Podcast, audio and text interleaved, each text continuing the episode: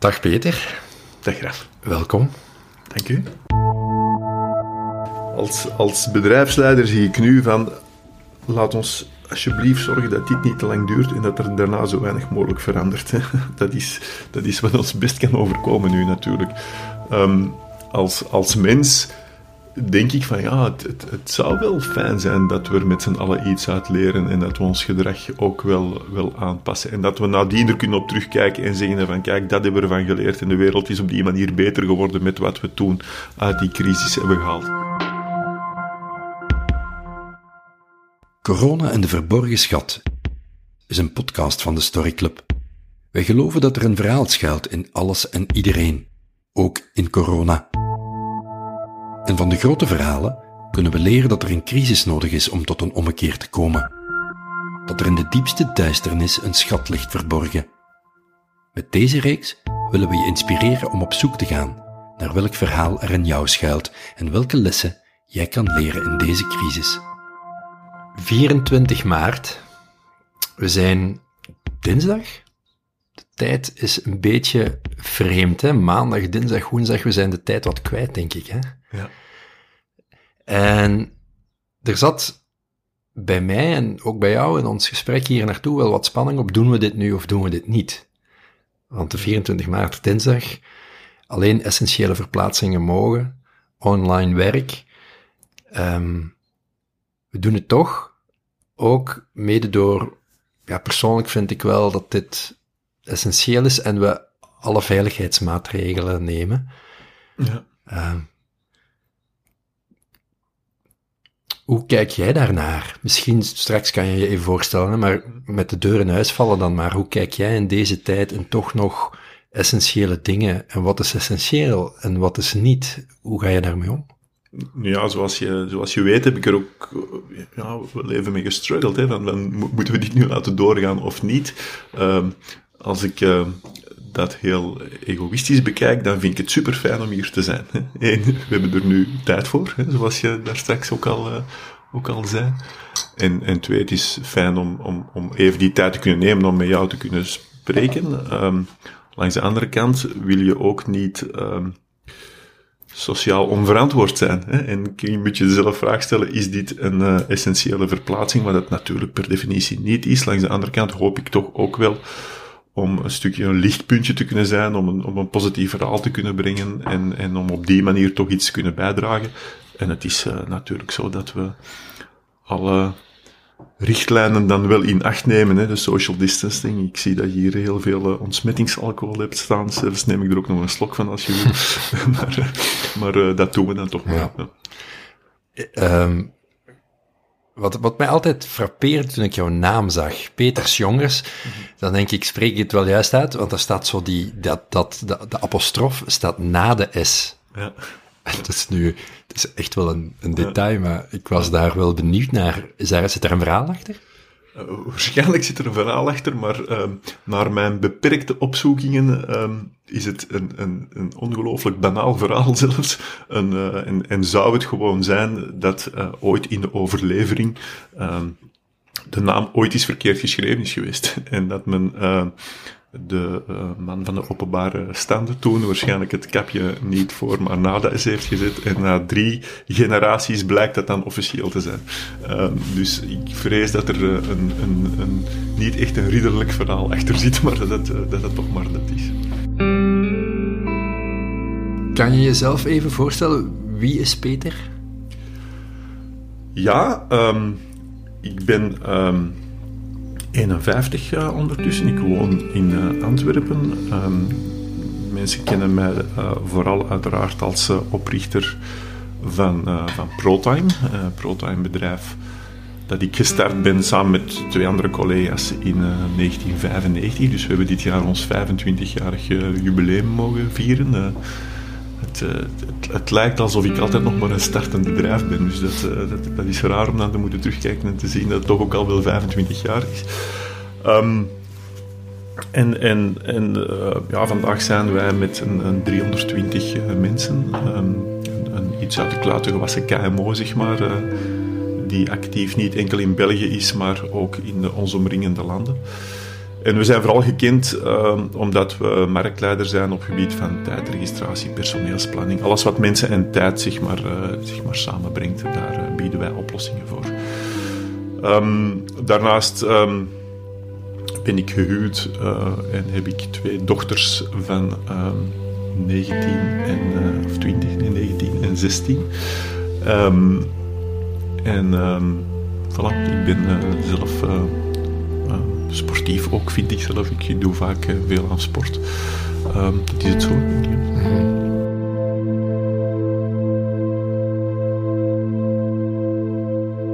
En alles verandert wat. Uh, thuis werken, hier bijvoorbeeld, ja. iedereen is thuis. Ik heb drie zonen. Ja. Iedereen is er. Ja. Uh, mijn vrouw is thuis aan het werk online. De kinderen zijn er sporten ziet er anders uit. Ja. Uh, hoe is dat voor jou in deze tijd?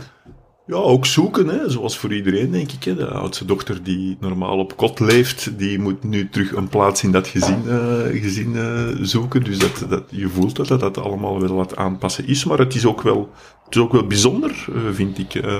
ik moet ook toch wel zeggen dat het tot een bepaalde vorm van ehm, ja, het voelt soms toch ook wel fijn aan dat iedereen er terug zo samen is en dat we echt tijd voor elkaar uh, dan hebben. Uh, waar ik het zelf persoonlijk moeilijker mee heb, maar dat is dan heel persoonlijk voor mij. Ik, ik werk niet zo graag thuis, dus ik, uh, ik mis dat ook wel. En ik betrapte me er zelf op dat ik gisteren, wanneer ik een hele dag uh, videocalls gepland had, dat ik toch met mijn fiets naar kantoor ben gereden en die allemaal vanuit kantoor uh, heb gedaan, terwijl ik daar dan helemaal alleen zat. Maar dat gaf me dan toch een, uh, een, een ander gevoel dan dat ik dat thuis zou moeten doen. Dus dat is heel persoonlijk, maar ja, het zijn, het zijn die dingen die dat, wel anders zijn nu. Ja. Ja, ik las gisteren op, op, op LinkedIn een, een artikel, dat viel me op, van, van Koen Marichal. Um, Koen Marichal Leadership, Antwerp Management School. Um, dat artikel noemde halt aan de emotionele besmetting. Um, mijn emoties moeten in quarantaine, schreef hij. Ik, ik, ga er een stukje uit voorlezen om, om, om eens te kijken hoe het, ja, wat het met jou doet. Hè. Uh, dus een hele inleiding, een heel stuk, heel interessant hoor, waar hij zegt van never waste a good crisis. Hè. Uh, zo kwam ik thuis en hop. Uh, maar de eerste mini-crisisjes zijn er. Ik ben er vol een bak online ingevlogen. En dan schrijft hij, nu is het tijd voor het indijken van emotioneel besmettingsgevaar. Mijn emoties moeten in quarantaine. Ik creëer een eigen werkruimte in huis en vraag privacy. Ik maak tweemaal per dag korte wandelingen in plaats van mediteren. Want dat maakt me onrustig nu. Ik structureer de dag met werkblokken van twee uur en beperk online zijn. Ik schroef mijn ambities terug. Nee, die stapel lectuur zal niet snel dalen de komende weken. Nee, die website krijgt geen makeover. En ik vraag om hulp aan mijn huisgenoten. Ik ben in nood. Ja, ik, ja, ik, ik, ik herken er ook wel dingen in, ja. Bijvoorbeeld, ik, ik dacht ook vorige week nog, god ja, is het niet leuk dat nu die stapel boeken die dan klaar ligt, dat ik die dan toch kan lezen? Ik heb er nog geen enkel één vast gehad. En, en ja, het, het, is wel zo, het is wel zo, ja. Het is wel zo. Je, je, je komt toch snel in die modus van dan elke dag, om niet ervoor vooruit te plannen en dan elke dag te zien hoe hij komt. En, en, en wel eens wat langer te gaan wandelen, uh, bijvoorbeeld. Maar ondertussen, ja, zoals ik zei, ook wel die videocalls en zo te gaan, uh, te gaan doen. Dus ik, ik herken mij ook wel wat in het verhaal. Want er is zo, als je op Facebook, LinkedIn actief bent of aanwezig bent, dan zie je een overaanbod van mensen die elkaar willen helpen. Met gratis trainingen, learnings, alle bedrijven die waarschijnlijk ook heel goed bedoeld zeggen van laten we, laten we iets creëren voor onze klanten en voor elkaar. Misschien met het dubbel gevoel van ja, misschien halen we er wel een nieuwe klant uit, maar goed, we zijn ook met burgerzin bezig. Um, toen ik het las, dacht ik daaraan. Er is een soort van overaanbod om nu te moeten leren, om nu van alles met die tijd te moeten gaan doen. Um, absoluut. En ik denk ook dat, dat, het, komt omdat mensen, mensen kunnen niet die versnellingstrager schakelen. Dat, dat lukt ons heel moeilijk. Dus wat gaan mensen doen die dan plotsklaps thuis zitten? Die gaan dan zulke initiatieven meteen gaan nemen. En ja, wie is dan je publiek momenteel? Dat zijn de mensen die je via social media kan bereiken en dan nog liefst gratis kan bereiken. Heb je tenminste het gevoel dat je iets aan het doen bent. Dus ik denk dat vooral dat uh, daar de achterliggende reden voor is. Los van het feit dat, dat we natuurlijk goede initiatieven mogen omarmen. Hè, en, en, de solidariteit die er onder mensen zit, die ook in, wanneer je dan nu bij de slagers staat aan te schuiven, dan zie je ook gewoon dat er solidariteit onder de mensen is, dat iedereen ook wel die social distance respecteert en dat, en dat iedereen ook wel heel beleefd voor elkaar is, wat fijn is.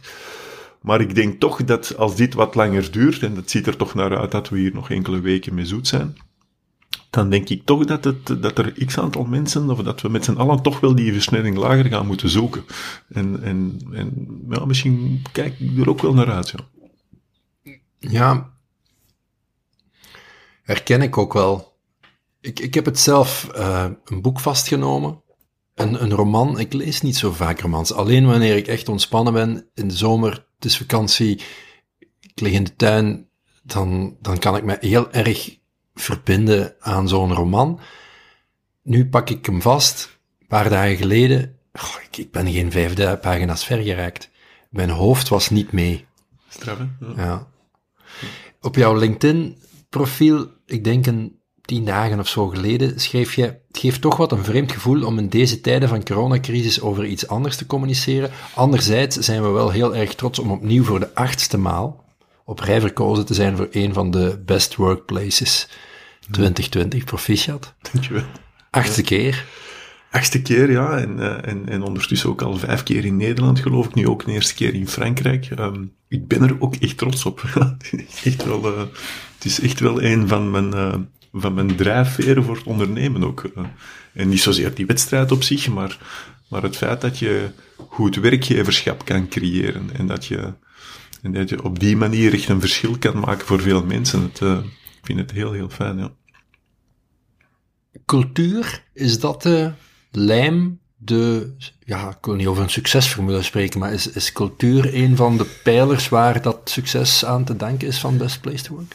Uh, ja, cultuur en dan een, een, een, een, verbindende en toch hoogrendabele cultuur. Want dat, dat moet het wel zijn. Hè. Iedereen heeft natuurlijk cultuur. Je kan ook een slechte cultuur hebben of een, of een, of een cynische cultuur, maar, maar een, een, een cultuur waar mensen zich um, in het Engels included hè, uh, uh, voelen, waar mensen, mensen ja, welkom voelen, ingesloten. Ingesloten. Ik denk dat, ik denk dat elke mens, ja, omarmd. Ja. Ik denk dat elke mens nood heeft om ergens bij te horen. En, en, en ik, ik, vind dat je dat als bedrijf ook moet kunnen aanbieden. Hè. En, en als je dat kan aanbieden, dan wordt het ook gewoon een een heel sterk iets waar je verder kan gaan opbouwen. En het, het is niet het is niet een momentum. Het, nee, het zijn altijd korte iteraties. Je gaat er altijd maar verder en verder en verder in. En dat, uh, voor mij, als ik erop terugkijk, is het, is het absoluut wel de sleutel tot, uh, tot succes. En wat maakt dat, dat wij als bedrijf het, het binnen ons sector veel beter doen dan andere bedrijven? Wel, de, dat ligt daar absoluut ook wel de, de reden waarom dat zo is. Um, er zit er, zit ongelooflijk veel talent uh, onder de mensen en, en heel veel engagement onder de mensen. En toch zie je dat in heel veel bedrijven er men niet in slaagt om en dat talent boven te krijgen en dat engagement dan ook boven te krijgen. Ja, Geert de Grande sprak in de eerste uh, reeks van deze speciale editie van de Story Club over wat er gebeurd is toen Luc de Vos overleden is. Dat mensen allemaal ja, samentroepte eigenlijk om dat verdriet te verwerken. Um, Zo'n crisis brengt ook samenhorigheidsgevoel. Aan de andere kant worden we allemaal gevraagd om afstand te nemen. Samenhorigheidsgevoel online. Hoe ja, kan dat wel? Ik, ik, ik, ik vind het zelf moeilijk, maar ik zie het wel live gebeuren bij, bij ons. En hè, het een is persoonlijk uh, hoe ik erin zit uh, natuurlijk, wat, uh, mijn persoonlijkheid. Maar anderzijds zie ik bijvoorbeeld bij ProTime nu die, die kracht van die cultuur zie ik nu echt live. Ik zie mensen, teams, want we werken in kleine teams waar ik heel hard in geloof. Waar ook mensen, internationaal. Ook internationaal, waar mensen echt bij een team horen en je ziet ook dat de veerkracht, en dat is niet alleen de veerkracht voor burn-outs of depressies, maar ook de veerkracht om met zo'n crisis om te gaan, dat die echt in zo'n team zit en dat mensen elkaar daar virtueel dan nu ook wel opzoeken en dagelijkse virtuele stand-ups gaan doen en, en, en videoconferenties en, en er, er is, is elke week is er een virtueel café bijvoorbeeld, want we hebben Normaal hebben we elke vrijdagavond een echt café, maar dat is nu uiteraard gesloten. En dat, dat, men gaat dat, heeft me dat nu toch laten doorgaan en dat gebeurt dan virtueel, waar iedereen het glas heeft op de week. En ja, het zijn toch allemaal wel dingen die maakt dat, dat je merkt dat mensen dan toch elkaar blijven opzoeken en dat ook fijn vinden om elkaar te blijven opzoeken. Want uh, het, het, is niet absoluut nodig voor het werk natuurlijk. Hè. Het is, bepaalde dingen zijn wel nodig, maar het café bijvoorbeeld is, zou niet nodig zijn. Maar toch zie je dat dat, uh, dat, dat blijft. En dat mensen, ja, dat, dat mensen toch ook wel bezorgd voor elkaar zijn en toch wel inderdaad elkaar willen, willen zien, willen horen. Ik vind dat op zich uh, heel warm. Ik vind dat fijn. Want als ik het goed begrepen heb, dat zit ook in jullie bedrijfscultuur al voor de coronacrisis, dat samenhorigheidsgevoel internationaal over grenzen heen, online, je haalt het virtueel café aan, hm. dat, dat zijn dingen waar jullie, waar jij als bezieler, als stichter, heel fel op inzet, toch? Ja, we, we, we cultiveren als het ware ook mee die cultuur. En, het, en, en natuurlijk is dat op zich niet zo moeilijk wanneer je aan de basis de juiste mensen aanwerft. En de juiste zijn niet, zijn daar, het gaat niet over goed of slecht. Het gaat over de mensen die passen in de DNA van je bedrijf, die passen in je cultuur. Nu, om dat te kunnen beoordelen, moet je al weten wie zijn we als bedrijf. Wat is onze DNA? Heel veel bedrijven slagen daar al niet in. Heel veel mensen slagen daar al niet in. Maar als je dat kan um, beter uitkristalliseren en je kan dat meenemen in je recruteringsbeleid, of zelfs als belangrijkste driver in je recruteringsbeleid nemen, ja, dan ga je, is de kans groot dat je mensen werft die dat DNA net gaan versterken. En dan cultiveert het natuurlijk zichzelf. En omdat wij we zijn actief in, in, in, in België, in Vlaanderen, Wallonië, maar Vlaanderen verschillende vestigingen, eh, in Nederland, in Frankrijk. Dus ja, je hebt in Luxemburg, je, hebt, je moet dan dat ook, je moet daar iets voor gaan doen, hè, want anders wordt het allemaal eilandjes, eilandjes op zich. En dat is een, een dagelijkse aandacht, maar het is hoog, ook wel, zoals ik zei, hoog rendabel, want het is wel iets dat mensen niet alleen aantrekt, maar mensen ook bij het bedrijf houden en, en, en het worden ook allemaal supporters dan. Voel je dat ook vandaag als je dan kijkt nu, wanneer het toch allemaal wat moeilijker is om werk georganiseerd te krijgen, wanneer business as usual niet kan doorgaan, voel je vandaag dat, dat, dat die cultuur en de manier waarop je georganiseerd was, dat dat, dat, dat zijn vruchten afwerkt? Oh ja, heel sterk voel heel sterk dat, dat de cultuur vandaag ook weer onderscheidend is. Uh, ik heb gisteren um, virtueel dan alle mensen uh, toegesproken. En bijvoorbeeld een oproep gedaan om solidariteit, uh, een oproep gedaan dat mensen toch minstens acht vakantiedagen zouden opnemen, spontaan zouden opnemen tussen nu en, eind juni. Um, dat is een oproep tot solidariteit. Je kan dat niet afdwingen, maar het is een oproep om ervoor te zorgen dat mensen straks hun vakanties niet allemaal in het najaar moeten gaan opnemen, maar ook om toe te laten dat andere protimers die bijvoorbeeld nu uh, drie weken vakantie naar zeg maar iets Thailand hadden geboekt en dat nu in het water zien vallen, ja, dat die ook wel die vakantie kunnen cancelen. En dat ook wel kunnen doen. Dus ook een vorm van solidariteit, door we allemaal met z'n allen een stukje van, de, van de hit nemen, zeg maar, ja, daardoor is het wel gedeelde smart. En je ziet ook wel dat dat... Mensen vinden dat natuurlijk niet fijn, hè, maar, maar, maar je ziet wel onmiddellijk dat die solidariteit er ook wel is. En ik vind dat ook... Dat is cultuur. Hè. Dat is een, een, een cultuur, een, een wijkcultuur. En, en dat is, vind ik... Uh, als, als eindverantwoordelijke van het bedrijf vind ik ongelooflijk fijn om te zien dat, dat ik daar geen gevecht moet voor leveren. Dat dat spontaan kan gebeuren. Ik vraag dat dat gebeurt. En dat is, en dat is fantastisch. Je mag dat niet normaal doen. Hmm. Ik, ik, ik hoorde ook initiatieven, of als ik Simon Sinek hoor praten, die dan zegt binnen leadership het is meer dan ooit vandaag belangrijk om ook virtueel en online om een soort van emotionele check-in te doen. Om, Mhm. om, om ook echt eens te luisteren naar elkaar van hoe is het? Hoe gaat het met jou? Hoe, hoe is het thuis? Eh, dingen die je misschien aan het koffiezetapparaat doet, maar die het gevaar bestaat dat wanneer je online werkt, dat dan efficiëntie komt bovendrijven en dat die Ja. dingen, ja, moeilijk gaan. Ja. Hoe, hoe, hoe kijk je daarnaar?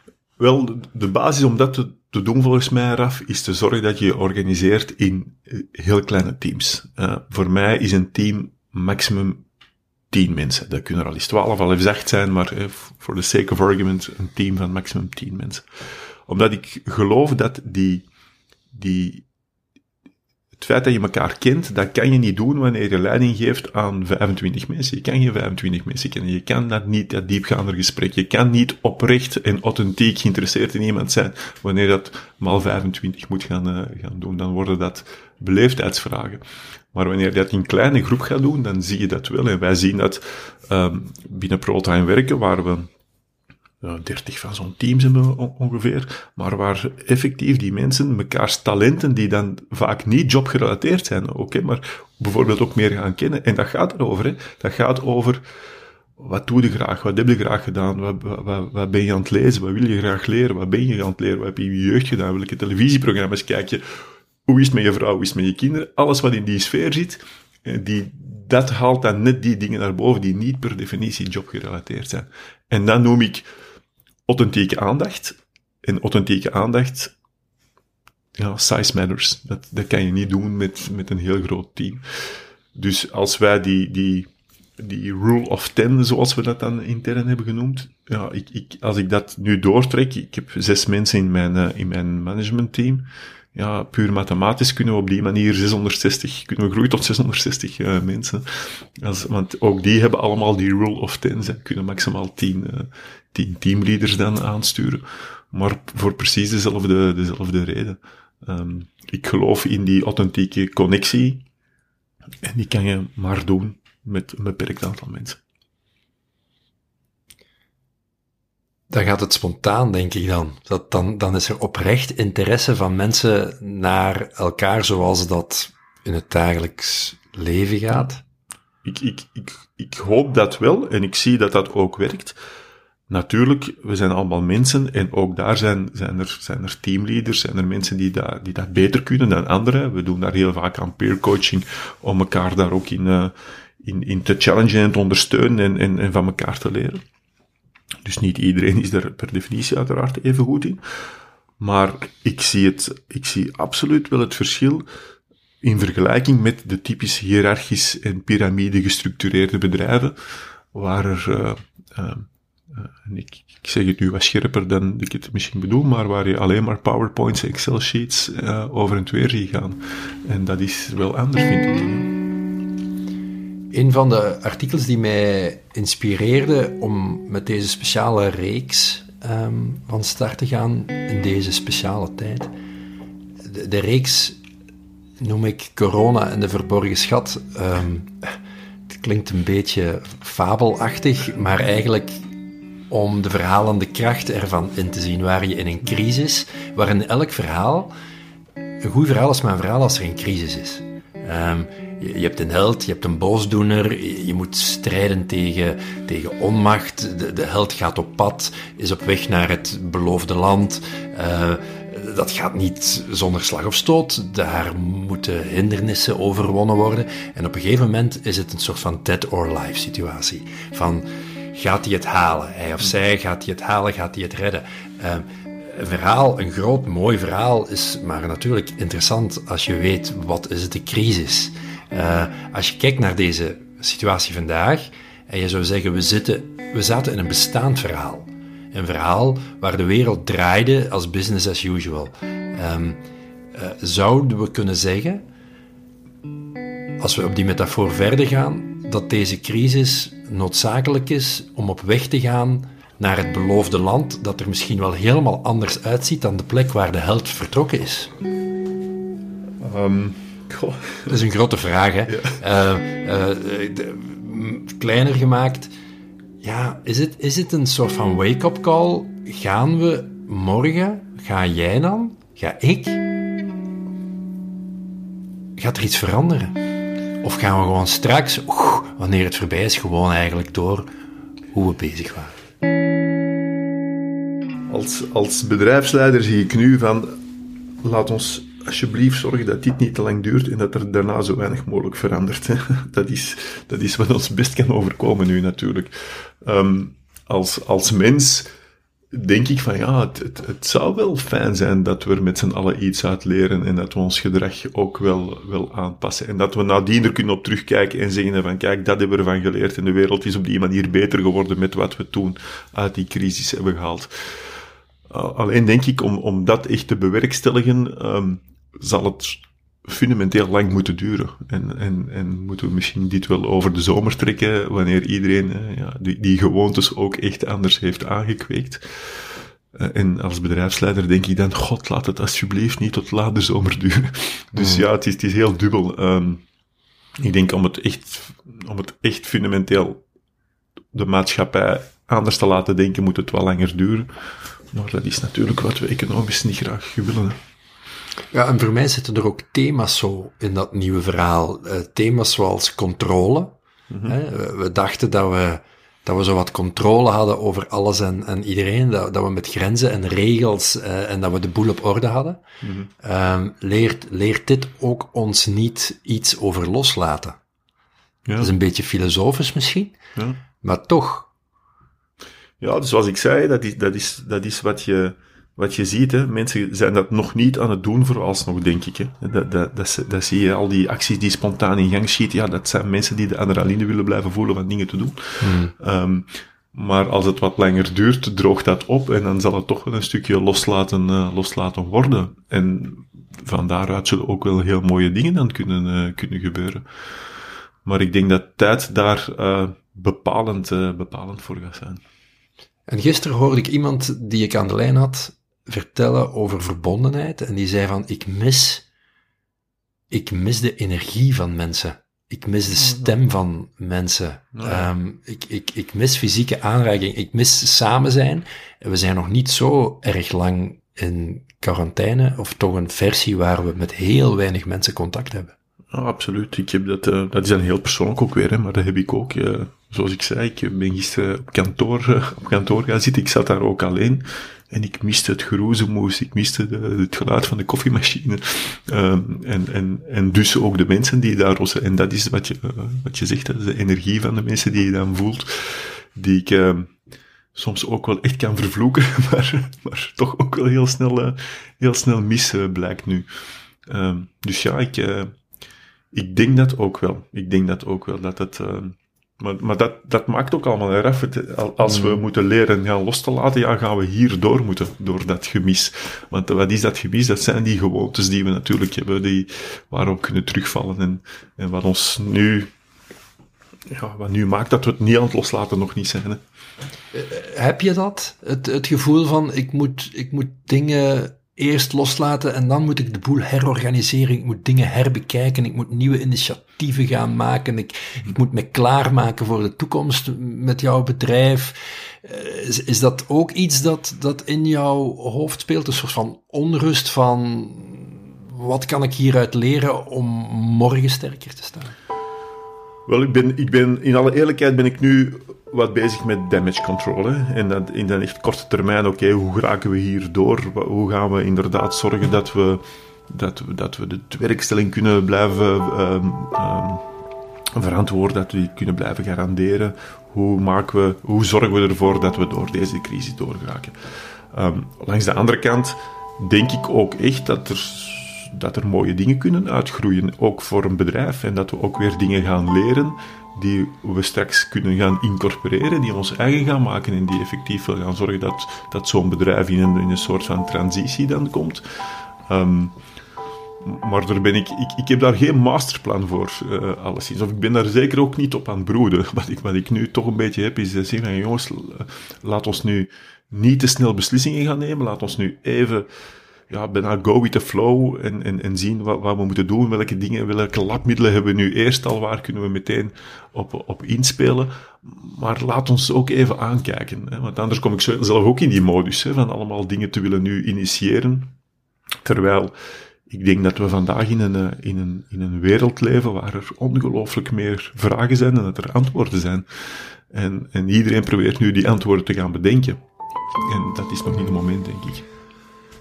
Ja, het is zo'n tijd die ook wel vraagt naar een soort van ja, zelfbewust leider, vind ik. Die, die kalm en rustig kan zijn in het midden van de chaos. Ehm, ja, ik, ik zit meer online dan, dan vroeger. Dus ik, ik pik allerhande artikels en filmpjes op. Uh, en in zo'n gesprek als dit komt dat dan wel eens naar boven. Gisteren, of eergisteren, ik wil het kwijt zijn, zag ik een speech van, van Donald Trump, of in ieder geval een persconferentie waar een journalist, ik weet niet of je het gezien hebt, Peter, was zo'n journalist die, die, die hem uh, vroeg. Um, ja, die werd afgesnauwd. Ja, die werd afgesnauwd. Yes, yes, yes, Dat Omdat, gewoon heel banale vraag. Ja, hij vroeg eigenlijk van, wat, hoe kan je de mensen geruststellen ja, nu er precies, zoveel doden precies, zijn? Uh, en hij noemde het aantal. Um, hoe kan je mensen, hoe kan je met angst omgaan? Wat kan je zeggen tegen de mensen om ze gerust te stellen um, in deze situatie? En hij noemde een paar cijfers. Waarop, waarop, waarop Trump hem gewoon zei: Wat ik tegen de mensen zeg, is dat jij een oerslecht journalist bent. Dat zeg ik tegen de mensen. En dat dit fake news is en daar doe ik niet aan mee. En dan, wanneer hij eerst een hele tirade afsteekt tegen die man, um, komt daarna de vice-president, Joe Biden.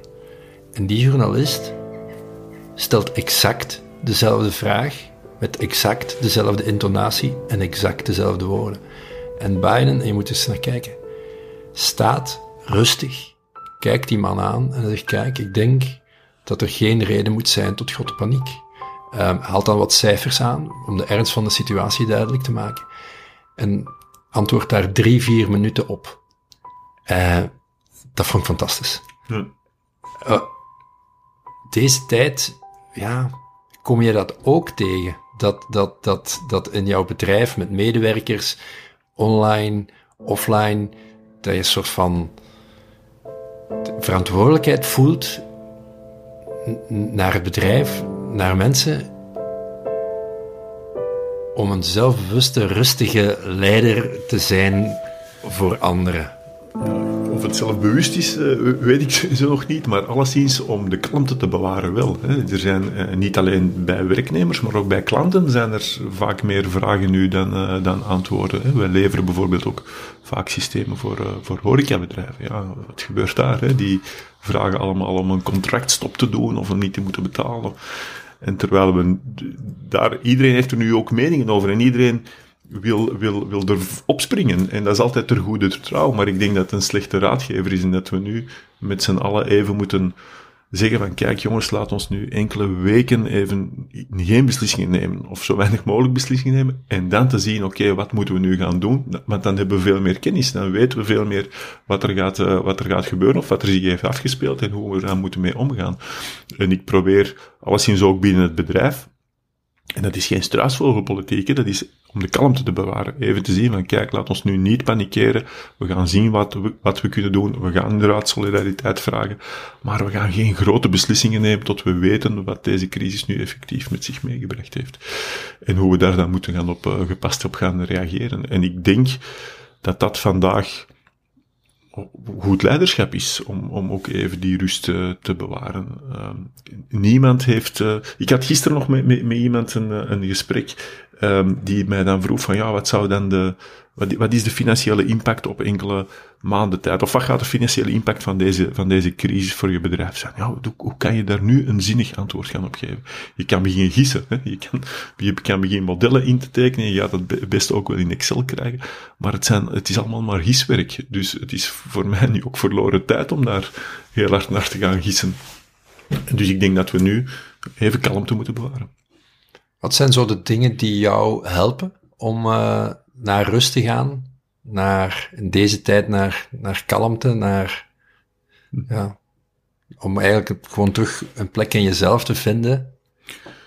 ik, uh, ik, ik, zoals ik zei, ik, ik, ik, ik sport graag en ik sport ook graag alleen. Dus dat is voor mij nu geen straf wanneer dat, uh, wanneer dat plots moet. Dus ik, ga, ik heb nu ook de tijd om elke dag bijvoorbeeld terug uh, uh, wat te gaan lopen, wat ik heel leuk vind. Ik wandel heel graag met, met mijn hond ook, wat, waar ik nu ook wat meer tijd voor heb. Wat ik ook heel leuk vind. En dat zijn toch ook wel momenten dat ik dan um, vaak niet meer weet waar ik gelopen heb wanneer ik terug thuis kom. Dus dan blijkt dat ik dan toch wel heel mijn gedachten echt de vrije loop heb kunnen laten gaan. En het helpt mij wel om, uh, om wat dingen de revue te laten passeren, wat gedachten de revue te laten passeren. Dus ja, dat helpt mij wel. Is dat iets dat je echt bewust moet inplannen zo? Dat je denkt, uh, ik moet dat in blokken verdelen, ik, om, om het zeker te kunnen niet, doen? Nu niet. Nu, nu, nu, nu, krijg ik het er altijd wel... Uh, maar het is natuurlijk... Uh, in een gewone werkweek, zeg maar, moet ik dat uh, helaas wel doen. En komt dat er ook helaas niet of veel minder van. Dus ja, dat... dat dat omarm ik nu wel, dat, die tijd er is. En, en ik probeer daar ook heel bewust van te genieten. En dat lukt me ook wel. Ik vind dat ook wel we zijn natuurlijk gediend nu, uh, Raf, van een, van een prachtig weer. Hè? En, en, mm. en, en stel nou maar eens voor dat het koud is en, en pijpenstelen regent, dan, dan zou dit nog wel wat meer deprimerend werken. Maar nu, je hebt de prachtige, bijna lentezon en je kan dan buiten gaan wandelen. Ja, er zijn... Er ligt uh, vooralsnog genoeg eten in de winkels. Ja, het is, het is allemaal nog niet zo heel erg. Hè? Het, uh, en, daar, en als we daar bewust mee omgaan, dan geeft dat ook wel energie, vind ik. Mooie noten mee af te sluiten. Okay. Bedankt om tot hier te komen, Peter. Moest ik niet thuiswerken, hè? Leuk. Ja. Zo. Een speciale reeks binnen de Story Club podcast. Corona en de verborgen schat. Op zoek naar, naar wat misschien wel, of we lessen kunnen leren in deze tijd. Um, inzichten van Mensen zoals Peter, leiders, professionals, ondernemers, mensen die mij inspireren. Dat is de Story Club podcast. In gesprek gaan met mensen om hun verhaal te horen. Wie zijn ze en waar zijn ze op toe, naartoe op weg. Ziezo, bedankt voor het luisteren. Er volgen zeker nog speciale uitzendingen rond corona en de verborgen schat. Mijn intentie is er om er twee à drie per week te doen. Ik reik mijn hand uit naar mensen om in alle veiligheid naar hier te komen. Zij die dat nu niet zien zitten, geen enkel probleem. En de anderen zijn welkom. Stuur hem gerust door naar je vrienden en je kennissen. Als je denkt dat zij er iets aan hebben, wil je mij contacteren? Dan ga je best naar mijn site rafstevens.be of stuur me een mailtje info.rafstevens.be. Bedankt voor het luisteren. Graag tot een volgende keer.